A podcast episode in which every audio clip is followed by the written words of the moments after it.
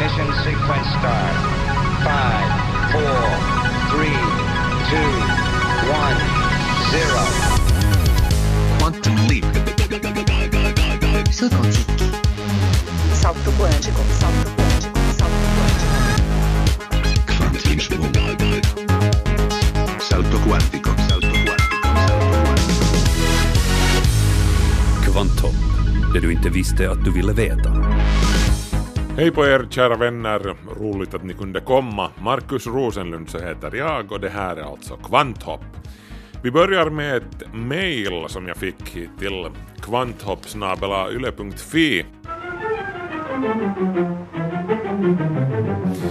Det är Ulla Solström, pensionerad lektor i engelska och svenska som skriver. Vem har bestämt att klockan går från 12 och högerut? Alltså medurs, ja. Eller att kalendern går från vänster till höger. Eh, maj är på vänstra sidan, oktober på högra sidan och så vidare. Eh, försöker jag tänka på annat sätt så blir jag yr i huvudet. Även klockan i mitt huvud går från vänster till höger, från 12 högerut alltså. Eh, visst rullar också jorden från vänster mot höger. Så undrar alltså Ulla. Eh, vi tar kalendern först. Det att kalendern går från vänster till höger beror helt enkelt på att vi skriver från vänster till höger. Vi ärvde det från romarna. Eh, araberna till exempel, de skriver ju från höger till vänster. Eh, vi börjar från januari i vår kalender här i väst och så går vi vidare högerut med februari och mars och så vidare. Det är inte konstigare än så helt enkelt. Det är för att vi skriver från vänster till höger. Varför klockan går medurs, ja, no det, det är inte heller så konstigt, även om jag många gånger har suttit och tittat på en klocka i en spegel där visarna går baklänges, moturs. Det ser riktigt konstigt ut och man blir lite yr i huvudet. Men också en klocka som går baklänges eller moturs mäter ju tiden lika exakt som en som går medurs. Men alltså orsaken till att våra klockor går just medurs är att de härstammar från de gamla soluren. Och på ett solurs tavla vandrar ju skuggan också medurs. Det vill säga här på norra halvklotet. På södra halvklotet vandrar skuggan på soluret moturs. Om vår kultur hade uppstått på södra halvklotet så skulle vi sannolikt ha klockor som gick åt andra hållet idag. Om det här känns råddigt så tänk på de som bor mellan vändkretsarna, strax norr eller syd om ekvatorn. Där går soluret både medurs och moturs beroende på vilken tid på året det är. Och det här med att jorden rullar från höger till vänster, det beror också på om vi ser det från norra halvklotets perspektiv, där norr är uppåt och söder neråt. Om vår kultur hade uppstått på södra halvklotet skulle kartan vara upp och ner sett från vårt nuvarande perspektiv och jorden skulle rulla från vänster till höger. Allt beror på vårt perspektiv.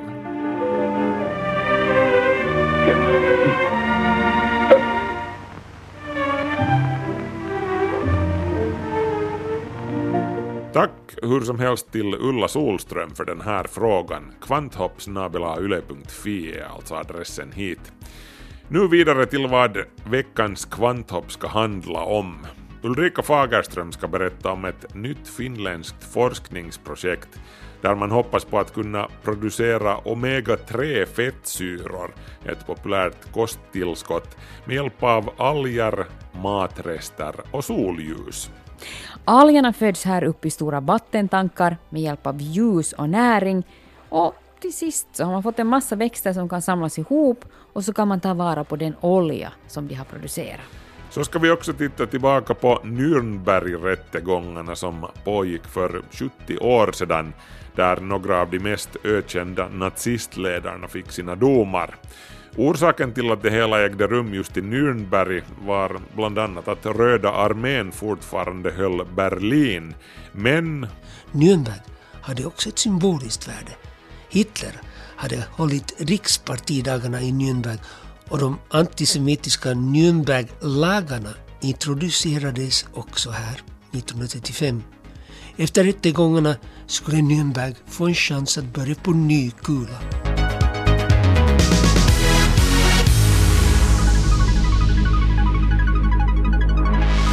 Sådant alltså i veckans kvanthopp. Nu är det dags för notiserna.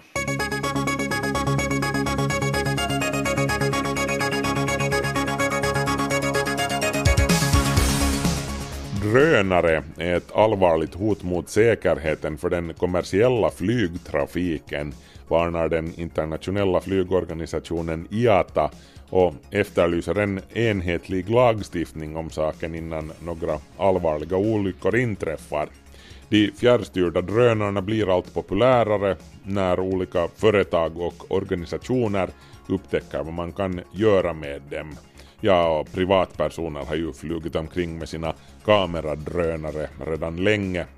Eh, varu och pizzaleveranser med drönare planeras också redan för fullt.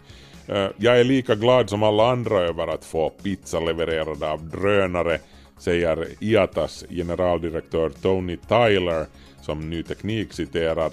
De är här för att stanna, men vi kan inte tillåta att de blir ett hot mot säkerheten, fortsätter han. IATA oroar sig särskilt för drönare som flyger i närheten av flygplatser. Ett annat hot mot flygtrafiken är idioter som leker med laserpekare. I måndags tvingades ett plan på väg från Londons Heathrow flygplats till New York vända då någon på marken bländade en av piloterna med en laserstråle medan planet lyfte. Piloten drabbades av illamående så man beslöt att ta det säkra för det osäkra och vända om. Det fanns 252 passagerare ombord. Den här sortens ofog blir allt vanligare och kan i värsta fall orsaka flygolyckor och eh, synskada på den vars ögon man lyser i. Hur mycket är du beredd att betala för en ny dator? 1000 euro? 2000 kanske? Om du vill ha den allra senaste design-laptopen. För dyrt säger du. Nå, men hur låter 9 dollar eller 8 euro? Så mycket kostar datorn Chip som säljs av det amerikanska företaget Next Thing. Företaget i fråga samlade in finansiering via Kickstarter i fjol och efterfrågan på datorn sägs ha varit stor. Chipdatorn tillverkas i Kina, var annars, och leveranserna inleds nu i dagarna. Men för 8 euro ska du inte vänta dig ett kraftvidunder. Den lilla datorn har ett arbetsminne på 512 megabyte, en processor på 1 gigahertz och levereras med Linux-baserade Debian operativsystemet installerat. 8 euros datorn har dessutom USB, VGA och HDMI-portar och Wifi förstås. Den klarar inte av de senaste spelen naturligtvis, men nätsurfande och Youtube-videor funkar hur bra som helst sägs det. Till exempel så kan lärare i tredje världen koppla den till en vanlig TV och använda den i undervisningen. Amerikanska forskare har sammanställt en katalog över världens mest sällsynta mineraler, rapporterar BBC. Av de 2500 mineralerna på listan förekommer ingen på fler än fem ställen på jorden. Flera av dem är så sällsynta att de sammanlagda fyndigheterna som man känner till skulle rymmas i en fingerborg. Mineralet fingerit till exempel, apropå fingerborgar, tros bara existera på slutningarna till en viss vulkan i El Salvador.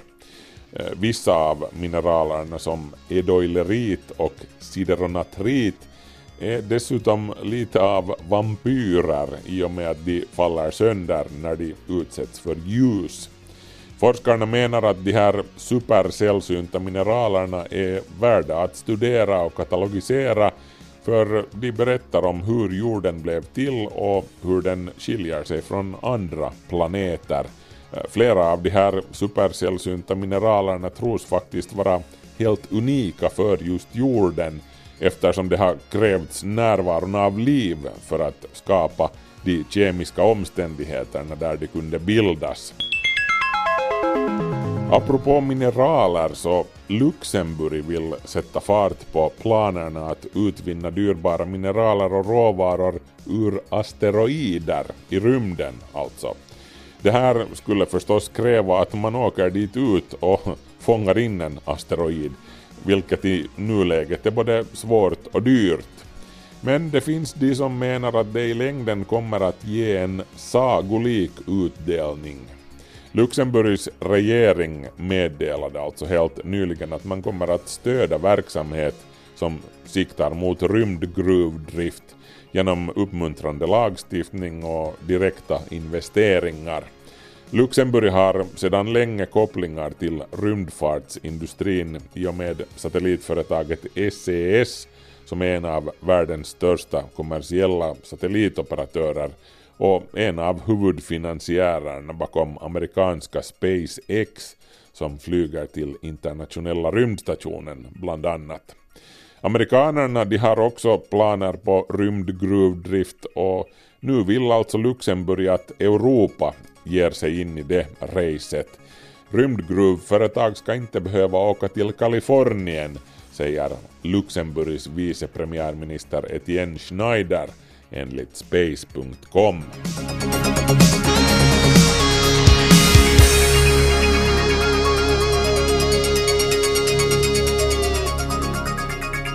Veckans riktigt stora samtalsämne har ju onekligen varit gravitationsvågorna vars upptäckande tillkännagavs förra veckans torsdag.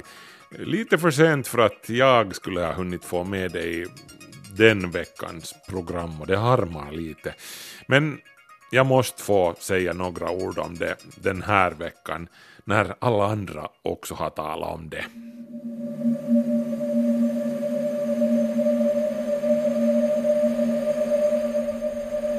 Det har nu gått en vecka sedan presskonferensen där forskarna vid det amerikanska LIGO-experimentet meddelade att de har hittat astrofysikens heliga graal, gravitationsvågorna, som Einstein förutspådde för hundra år sedan.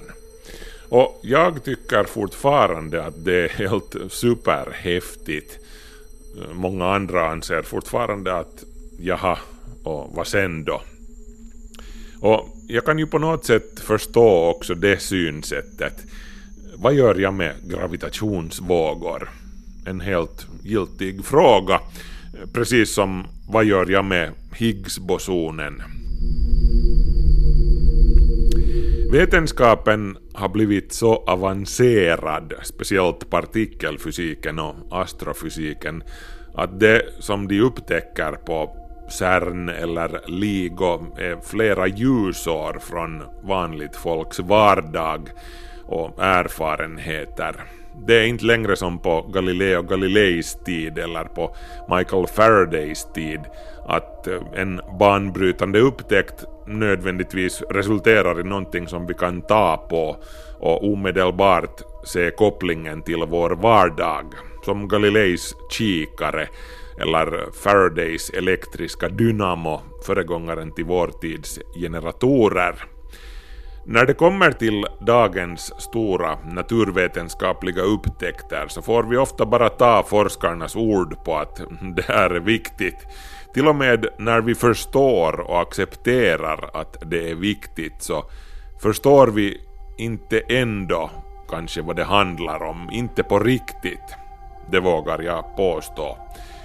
Som gravitationsvågorna från de två svarta hålen som dansade sin dödsdans för 1,3 miljarder år sedan i en otroligt avlägsen galax förstår vi till exempel ens hur långt borta det här är 1,3 miljarder ljusår.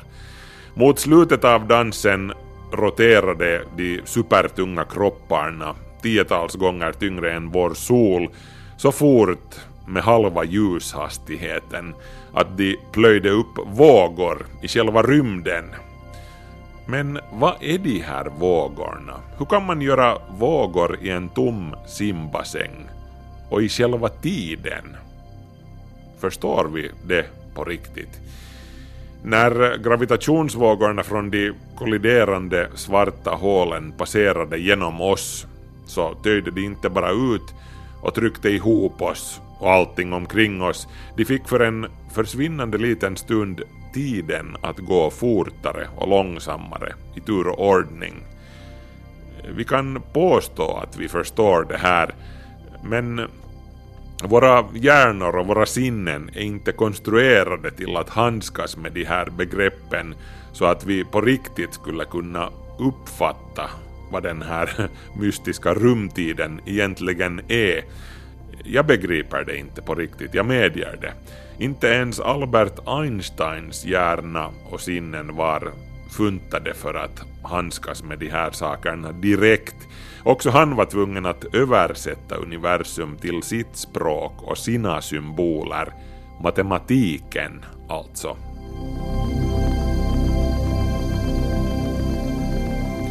Och nu talar vi alltså ännu om saker som vi kan förstå ens på symbolnivån. Jag menar, vi kan alltid tänka på gravitationsvågorna i sjöfartstermer om inte annat. Tänk dig två jättelika fartyg, stora som hela städer, som cirklar runt varandra mitt ute på Atlanten i tusen knops hastighet. Det blir ju jättestora vågor av det. Vågor som förr eller senare når Europas och Amerikas stränder som vi kan mäta. Gravitationsvågorna som LIGO upptäckte är inte mycket konstigare än så. De är svallvågor, fast inte i Atlanten då, utan i rymden. Det här är ganska lätt att föreställa sig. Vi kan till och med föreställa oss rumtiden och tyngdkraften, alltså gravitationen, genom att tänka på rymden som en stor svart gummiduk det klassiska exemplet. På den gummiduken lägger vi en tung järnkula där i mitten. Den töjer ut gummiduken och gör en grop i den så att alla mindre kulor, små glaskulor som kommer rullande över duken, börjar cirkla runt den tunga järnkulan där mitt på gummiduken som roulettkulor i en skål. Det är i princip så som tyngdkraften funkar. Det är det som Einstein lärde oss. Tyngdkraften är inte en kraft i den bemärkelse som Newton tänkte på den. Den är bara rymdens gummiduk som böjs av tunga kroppar. Allt det här sakerna som hör till Einsteins värld är sådant som vi på något vis kan föreställa oss. Det är stort, det är logiskt och det är intuitivt även om vi inte på riktigt kan fatta hur långt det är till Alpha Centauri till exempel och vad den där gummiduken egentligen består av. Kvantmekaniken däremot, läran om det allra minsta, atomernas värld, det är en helt annan femma. Självaste Einstein betraktade kvantmekaniken som nonsens och sade det där om att Gud spelar inte tärning. En och samma partikel borde inte kunna vara på två ställen samtidigt till exempel. Två olika partiklar, den ena i Helsingfors och den andra i Sydney eller på månen, borde inte kunna veta vad den andra gör snabbare än ljusets hastighet. Ändå är det exakt så här som det går till på riktigt i kvantmekanikens värld.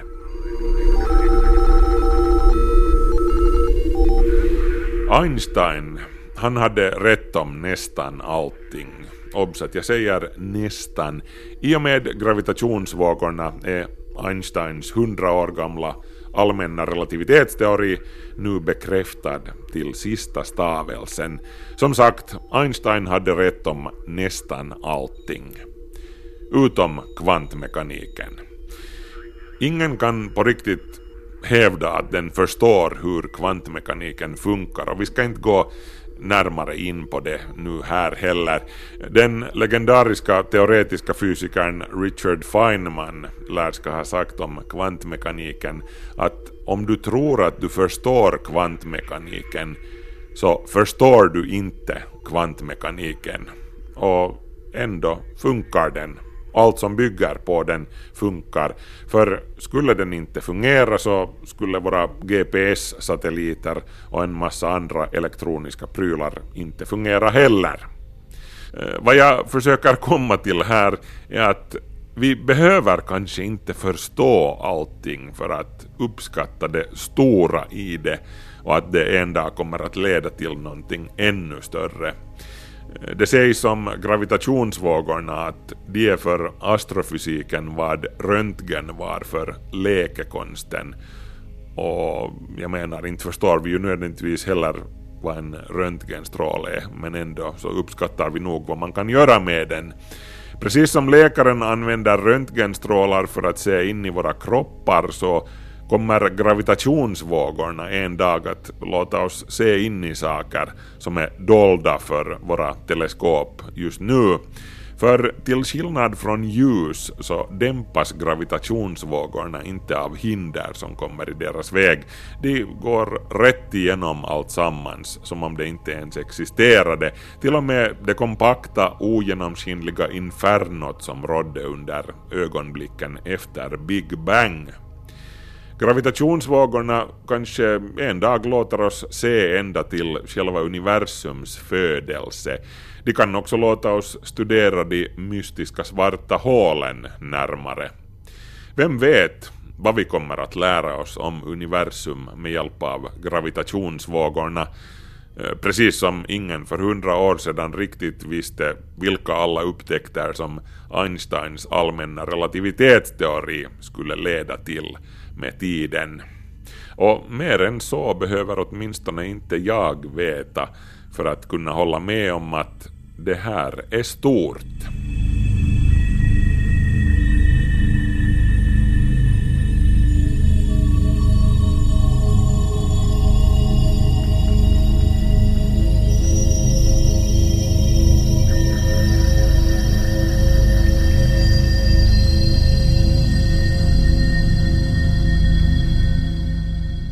Ska det handla om alger, dessa vattenlevande en eller flercelliga små växter.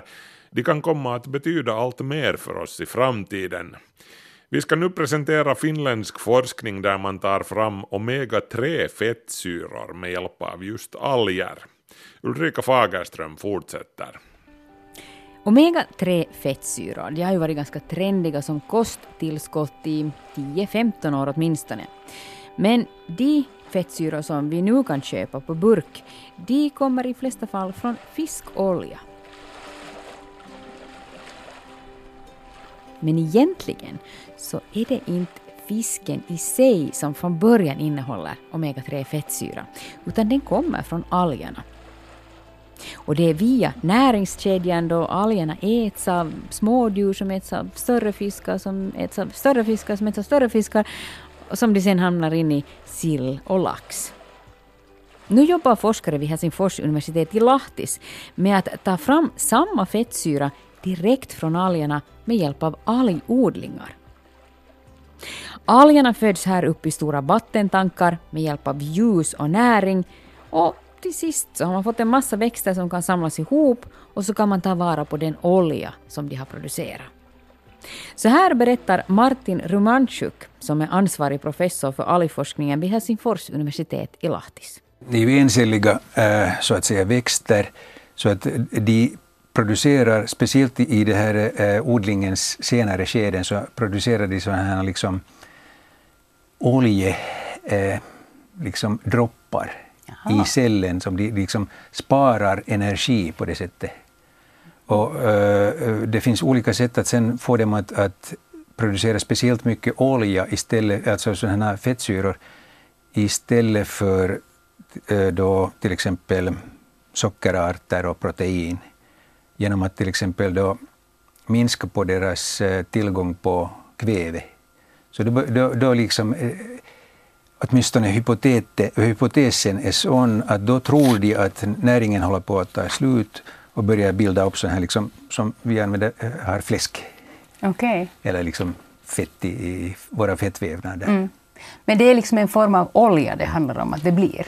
Eh, ja, alltså, åtminstone kan man extrahera den, den som olja från de här liksom, kakan av, av eh, alger som vi då tar ut där i det, från den där vätskan. Just nu i forskningsstadiet så har man vattentankar på upp till 600 liter. Men får man igång en produktion så småningom med hjälp av kommersiella företag så kunde man lätt skala upp produktionen till till exempel 3000 liters bassänger, konstaterar Romanchuk. Omega-3 fettsyra i sig det är ju bra, men här finns mera bra. Forskarna jobbar enligt en stark återvinningstanke. Alger är billiga i drift, de växer redan på solljus enbart. Men tillför man näring så växer de ännu mer. Och här tänker man att man skulle kunna återvända näring från livsmedelsindustrin, till exempel gammal öl. Ja, eller åtminstone gästen som ölen har tillverkats med. Men vi skulle kunna använda sån här eh, gammal jäst som, som har utnyttjats till att göra öl men som inte längre behövs. Så det skulle passa utmärkt för, för att odla alger på också. En massa grejer från både bryggeri, mejeri och bageriindustrin kunde tas tillvara, konstaterar Martin Rumanchuk. Till exempel mjöl som annars skulle gå i soporna.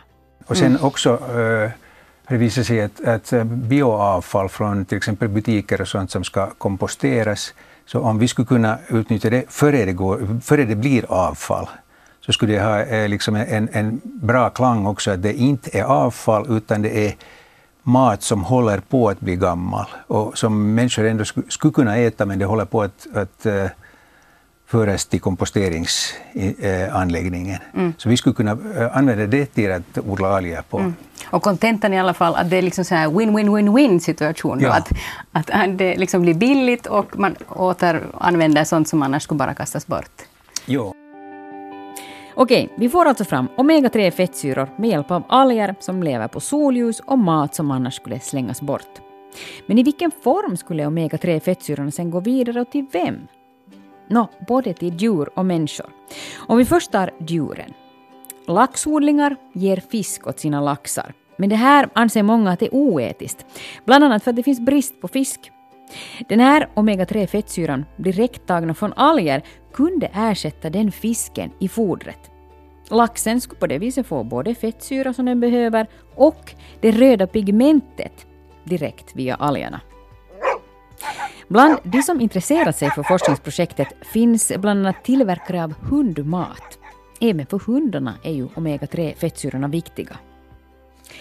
Och till sist vi då i toppen på näringskedjan. Vi behöver också fettsyror och många av oss är dessutom vegetarianer. Genom att tillverka fettsyrorna med hjälp av alger så får man en totalt vegetarisk fettsyra. Här har Helsingfors universitet ett samarbete med Indien där det finns massor av människor som äter en helt vegetarisk kost. Följaktligen finns där också en stor livsmedelsindustri intresserad av att ta fram den fettsyran för sina produkter. I Indien finns det sådana här stora eh, firmor som gör kex, vegetariska kex. Eh, och nu är de intresserade av att, att kunna göra sådana här liksom med bättre kostinnehåll, alltså fortified food så att säga. Det vill säga kex med omega-3 fettsyra. Ja. Och då, då, då är de fortfarande eh, eh, vegetariska och hälften av Indiens befolkning är vegetarisk. Alltså använder bara eh, eh, växtmat. Så att det skulle vara, marknaden skulle vara enorm, eller kommer att vara enorm. Men ännu tar det nog några år innan det tidigast kan finnas en sån livsmedelsprodukt. Och så krävs det också att de rätta företagen är med och intresserade av en sån produktion. Vi har nu uh, uh, forskat i just det här, den här aspekten i bara ungefär ett drygt år. Och nu har vi det där finansiering för två år till. Men jag skulle tro att om två år, alltså till exempel då från 2018 framåt, så om det finns firmor i Finland som är intresserade så skulle de kunna nog eh, skala upp det här eh, produktionen så att det skulle bli lönsamt. Men väntas nu. Vet forskningen tillräckligt om det här? Vi talar om alger, uppdrivna på ljus och gammal mat. Vet man att det här är säkert för människor att äta? När vi har samarbete med sådana äh, eh, eh, grupper i Vik som är experter på den sidan. Och det där, de här arterna av alger som, som det är frågan om nu så har konstaterats vara trygga. Alltså de producerar inga toxiner. Men sen har det varit diskussion om, om kan man då, är det okej okay att odla dem på vad som helst? Och det är det kanske inte. Alltså vi ska eh, också se till att de här substraterna, det vill säga de här sidoströmmarna som vi använder, är rena och inte innehåller några toxiner som eventuellt skulle kunna anrikas i de här Mm. små växterna. Men det, där, det måste vi eh, kolla före det blir produktion och speciellt eh, före man kan ge det åt, åt, som människoföda så måste det ju testas noga. Mm. Så det är inte riktigt imorgon ännu. Nej, men om ett par år kanske. Äh, men visst är det ju ganska spännande det här. Och det är inte bara här i Finland och våra forskare som tycker så. Ute i världen forskar man nu på olika håll i algproduktion och vad den kunde ge. Dels handlar det om alger i samband med biodiesel, men i allt större utsträckning just om hälsoprodukter som till exempel kosttillskott. Det sa Ulrika Fagerström. Och mer material på ämnet hittar du på svenska.yle.fi vetenskap, bland annat en video från den här intervjun. Kvanthopp, det du inte visste att du ville veta.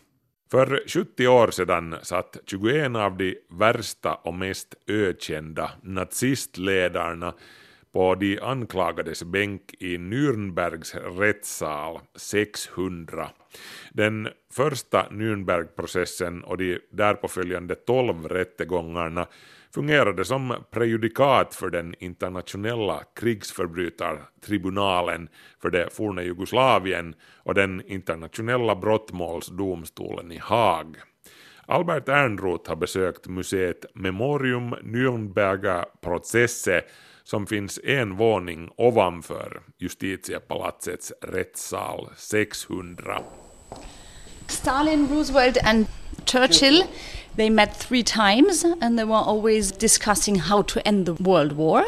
And at the same time, they were discussing what are they going to do with the Germans, uh, especially with the Nazis responsible for all these crimes. Jag talar med Astrid Betts som leder mig runt i museet om Nürnbergprocesserna. Betts ansvarar för utbildningsdepartementet i justitiepalatset där vi befinner oss. Stalin, Roosevelt och Churchill höll två toppmöten. När de stora tre träffades en tredje gång i Potsdam hade Harry S. Truman ersatt president Roosevelt. Mitt under Potsdamkonferensen blev Churchill tvungen att åka hem. Eftersom Clement Attlee i juli 1945 hade blivit vald till Storbritanniens nya premiärminister. Men de tre allierade hade faktiskt redan några månader tidigare i Jalta diskuterat hur de efter kriget tänkte bestraffa krigsförbrytare. Their foreign ministers in the Declaration of Moscow in 1943 agreed that those Nazis who had primarily been responsible for the crimes in certain countries, they should be put on trial in that country. Like, for instance, Rudolf Höss, the commander of Auschwitz, who was put on trial then in Poland and got the death sentence, and he was uh, executed then in Poland. I oktober 1943 hade de allierades utrikesministrar redan slagit fast i den så kallade Moskvadeklarationen att krigsförbrytare skulle dömas i landet där brottet begåtts. Churchill ansåg att de värsta naziskurkarna inte förtjänade någon rättvisa. De borde förklaras fredlösa och avrättas summariskt, tyckte alltså Sir Winston. You're quite right there. They had uh, curious suggestions like shooting 50,000, 100,000 militaries, what Stalin suggested. But Stalin hade sin vana trogen en ännu mer förödande lösning. Utplåna 50 000 av de viktigaste ledarna och militärerna. Josef Djugashvili hade bevisligen nått resultat med sina politiska utrensningar på både hemmafronten och i Katyn där ryssarna begravde 22 000 mördade polska officerare, poliser och intellektuella. USAs inflytelserika finansminister Henry Morgenthau ansåg att man borde förvandla Tyskland till ett agrarsamhälle genom att avmilitarisera och avindustrialisera landet. Roosevelt understödde Morgenthaus vansinniga förslag. Det var uppenbart att de allierade ledarna var ute efter revansch. Som tur fanns det också resoniga politiker som till exempel USAs krigsminister Henry L. Stimson. Han begrep att för att åstadkomma en snabb återuppbyggnad av Europa krävdes det också en stark tysk ekonomi. Actually, it was then Stimson He was the consultant of Roosevelt, and he really said if Germans should learn something out of this trial, then it eh, has to be a very fair trial. They have to work very carefully. Krigssekreteraren Stimson yrkade också på en rättvis domstolsbehandling. Han ville undvika Versaillesfredsavtalets förödmjukelser som gav upphov till de tyska högerextremisternas dolkstötslegend och nazisternas behov av revansch. Stimson lyckades tala förnuft med både Roosevelt och Churchill. Men varför valde man att inrätta tribunalen i Nürnberg och inte i huvudstaden Berlin? It would have been logical to have the trial in Berlin as the four allies were in Berlin. But there was the Red Army, so the, De allierade they kom överens om att den militära domstolens huvudsäte skulle vara i Berlin, men huvudstaden var fortfarande i de sovjetiska truppernas händer och de fyra segrarmakterna beslöt att den internationella tribunalen skulle ha sitt säte i den amerikanska zonen. Nürnberg hade också ett symboliskt värde. Hitler hade hållit rikspartidagarna i Nürnberg och de antisemitiska Nürnberglagarna introducerades också här 1935. Efter rättegångarna skulle Nürnberg få en chans att börja på ny kula. In the American occupational zone, the Palace of Justice was not destroyed. There were some destructions, but not complicated ones. And there was the jail, the prison, directly behind the Palace of Justice. So at that time, of course, they had to fear attacks that the defendants would try to flee or whatever. And so this was like a high security surrounding. Det fanns också rent praktiska skäl, berättar Astrid Betz. Nürnbergs justitiepalats, som ligger utanför den historiska stadskärnan, hade inte sönderbombats och flygplatsen var också användbar. Dessutom finns det faktiskt fortfarande ett ganska stort fängelse precis bakom palatset. För säkerhets skull konstruerades en tunnel och en hiss som transporterade de anklagade direkt till rättssalen. Astrid tar mig till ett fönster från vilket man kan se fängelset.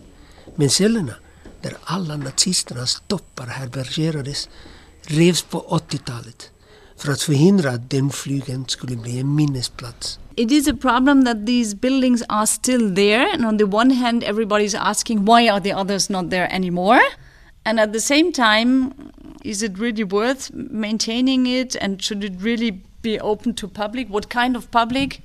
De kvarstående eh, fängelsebyggnaderna används nu främst för filminspelningar men en del av komplexet ska kanske bli museum. So the defendants were sitting in this wing.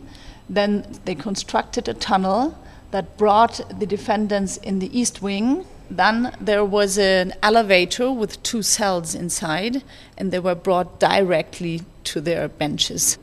So it was really high security. And here you Memorium how they changed Nürnberger. Prozesse, ja så heter museet, ligger en and våning ovanför rättssalen 600 där den första processen ägde rum från 20 november 1945 till 1 oktober 1946.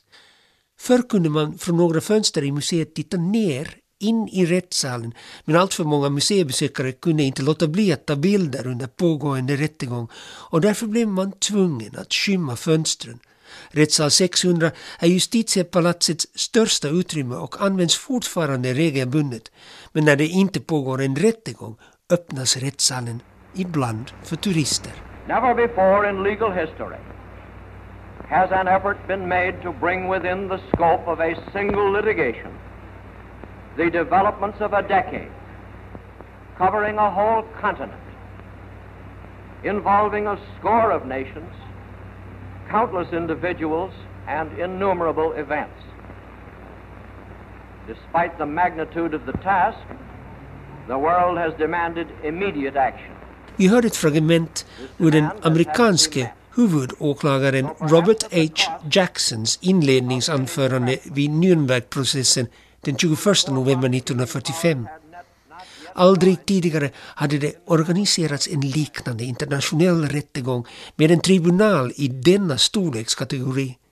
Segrarmakterna ansåg att en av de viktigaste poängerna med hela processen var att vanliga medborgare och framförallt tyskarna men även resten av världen hade möjlighet att läsa och höra om alla brott som nazibödlarna hade begått. I think the idea is that um, people should learn what had happened.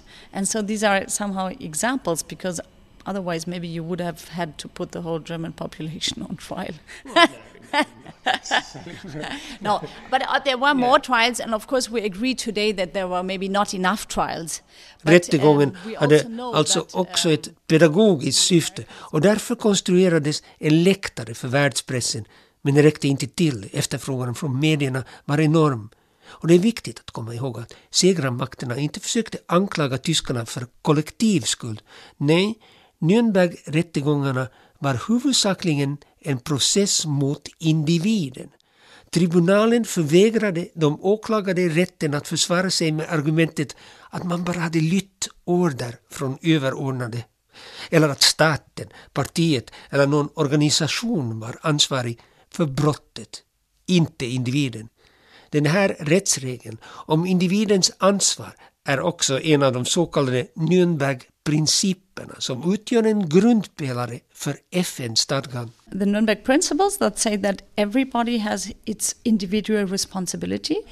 Never mind if you're a head of a state or if you're a simple worker wherever. Everyone has its own responsibility. So I think this is the main lesson, especially also for German society, because uh, Germans lived in quite hierarchical systems before.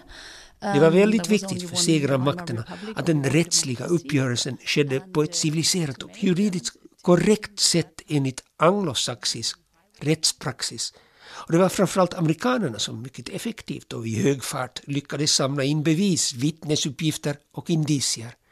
Tyska arkivarier gjorde sig förtjänta av sitt rykte. De hade noggrant noterat allt och förstört relativt få dokument. if this is going to be a fair trial and if we, if we want to prove individual guilt, we have to show them the documents with their signatures. And so they searched all over Germany, all the protocols, documents Germans tried to hide away and to burn or to bring in castles or in secret hole.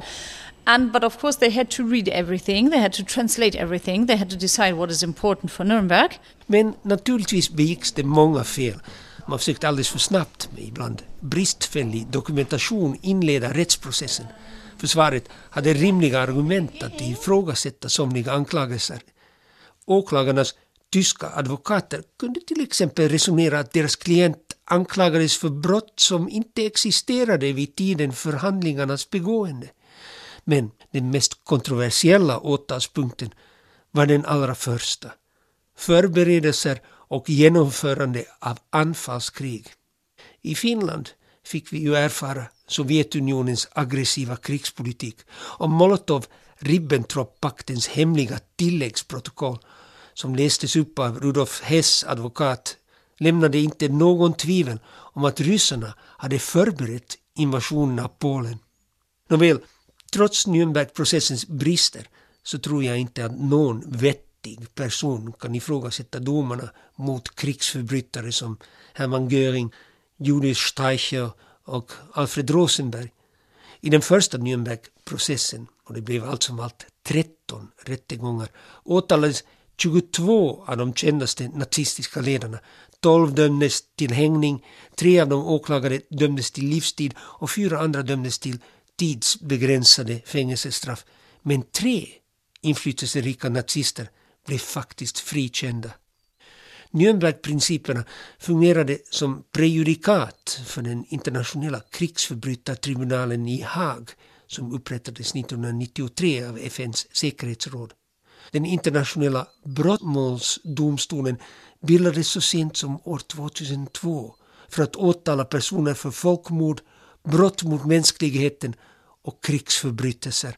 Men Haagdomstolen kan inte döma förbrytare för krigsansvar och aggression som var kontroversiella punkter i Nürnbergprocessen. In the 1990s, they continued this idea of international criminal law with the two tribunals, one for the former Yugoslavia and one for Rwanda.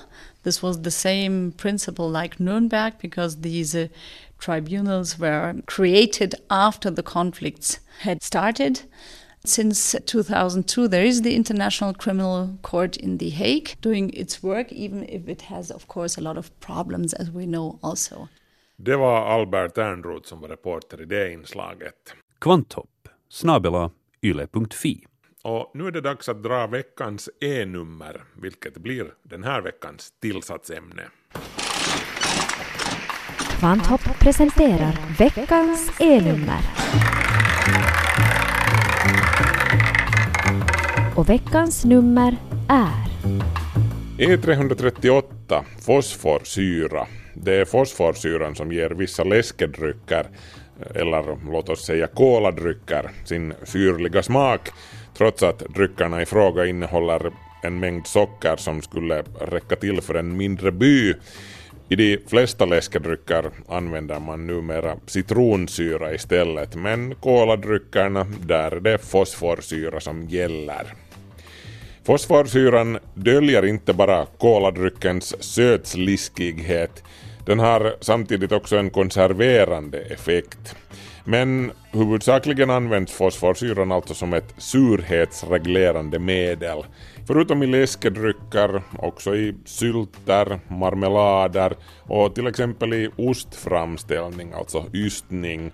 Och det är då som E-numret E338 återfinns på förpackningen. Fosforsyra är en medelstark, icke-giftig syra. I sin renaste form är den ett hårt kristallint ämne som smälter vid 42,3 grader Celsius. Fosforsyrans salter kallas fosfater, det låter väl bekant eller hur? Och de ingår i kroppens normala ämnesomsättning och finns till exempel i skelettet då i form av kalciumfosfat. Fosfaterna hör till livets allra centralaste byggstenar i och med att de ingår som en viktig komponent också i DNA. Livet på jorden behöver fosfat och därför så använder man till exempel fosfatgödsel ute på åkrarna. Fosforsyra vars saltfosfat som sagt är utgör också en av grundklossarna i fosfolipiderna som är i en central roll för uppbyggnaden av cellernas membran. Så var skulle vi vara utan fosforsyra? Nå, inte här på jorden i alla fall just nu. Fosforsyra förekommer också i modersmjölks ersättning och i barnmat. Det kan jag ju inte rå för att den också bidrar till att tänderna ruttnar bort på dem som dricker för mycket koladrycker fast där är det ju sockret som är den stora boven, inte fosforsyran. Och faktum är ju att fosforsyra faktiskt används av tandläkare för att rengöra tandens yta innan plomben läggs in. Fosforsyra är också bra på att avlägsna rost från järn. Då och då stöter man på Youtube-videor och liknande där någon försöker bevisa att koladryckare är rena giftet. Jag menar, titta nu på den här killen här som häller kola på sin bils rostiga kofångare och så gnider han med en trasa och vips är rosten borta. Det här lär ska användas som ett billigt rostborttagningsknep, speciellt i tredje världens länder. Nå, nu försöker jag ju inte ta koladryckerna i försvar. Klart att de är ohälsosamma. Men det här med att fosforsyra avlägsnar rost betyder inte att det är giftigt. Det innebär bara att fosforsyran löser upp järnoxiden, det vill säga rosten, och förvandlar den till järnfosfat som i sin tur är ett miljövänligt och giftfritt bekämpningsmedel mot sniglar, snäckor och andra mollusker. Men om man har pengar och möjlighet men ändå vill hålla sig till fosforsyra när man ska avrosta farfars gamla gräsklippare så behöver man inte stå och hälla Coca-Cola på klipparen. Det finns specialiserade och betydligt effektivare produkter för det ändamålet, fortfarande med fosforsyra som aktiv ingrediens, men ofta i gelform så att det inte rinner av ytan som kolan gör, utan blir kvar och verkar en stund. Du har hört ett avsnitt i serien Kvanthopps E-nummerlotteri, E338, fosforsyra. Nästa vecka drar vi ett nytt E-nummer. Kvanthopp är slut för den här veckan men nästa vecka hörs vi igen. Då är det Ulrika Fagerström som håller i trådarna här i programmet. Ha det så bra till dess. Vi hörs. Hej så länge.